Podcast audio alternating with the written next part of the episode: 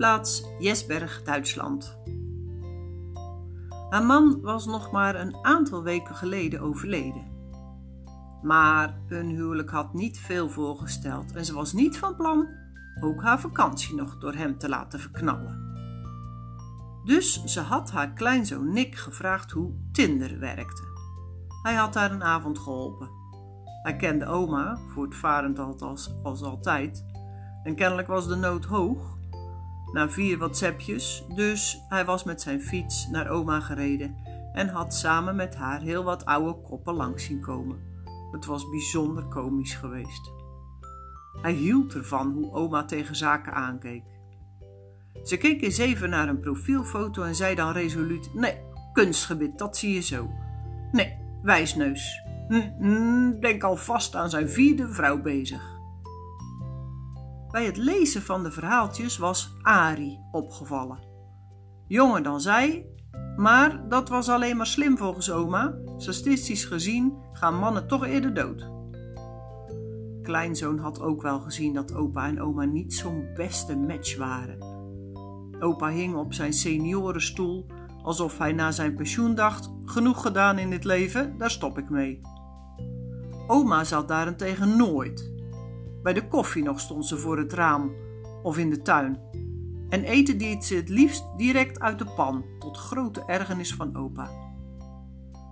Toch hadden ze mooie vakantieherinneringen.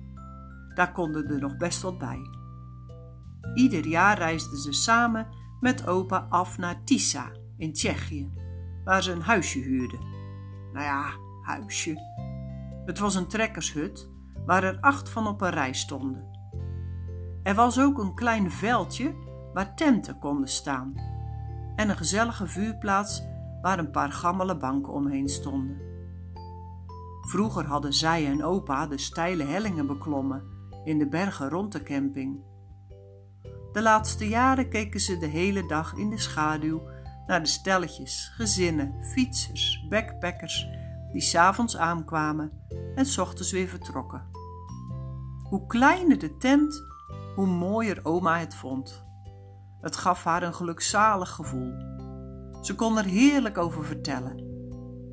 En nu zou ze met haar nieuwe Tindervriend hetzelfde avontuur beleven.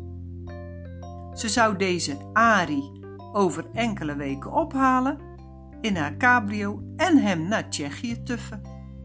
Het huisje was al geboekt en ze kende de weg op haar duimpje.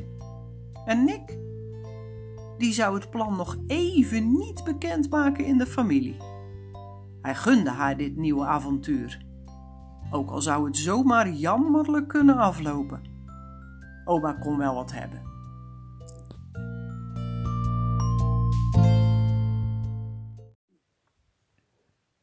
Wat leuk dat je luistert naar deze bananenschillen. Ik zet iedere week een nieuw verhaaltje online, dus als je wilt kun je me volgen en delen. En iedere keer als er weer honderd beluisterd zijn, trakteer ik mezelf op een gevulde koek. Het is maar dat je het weet.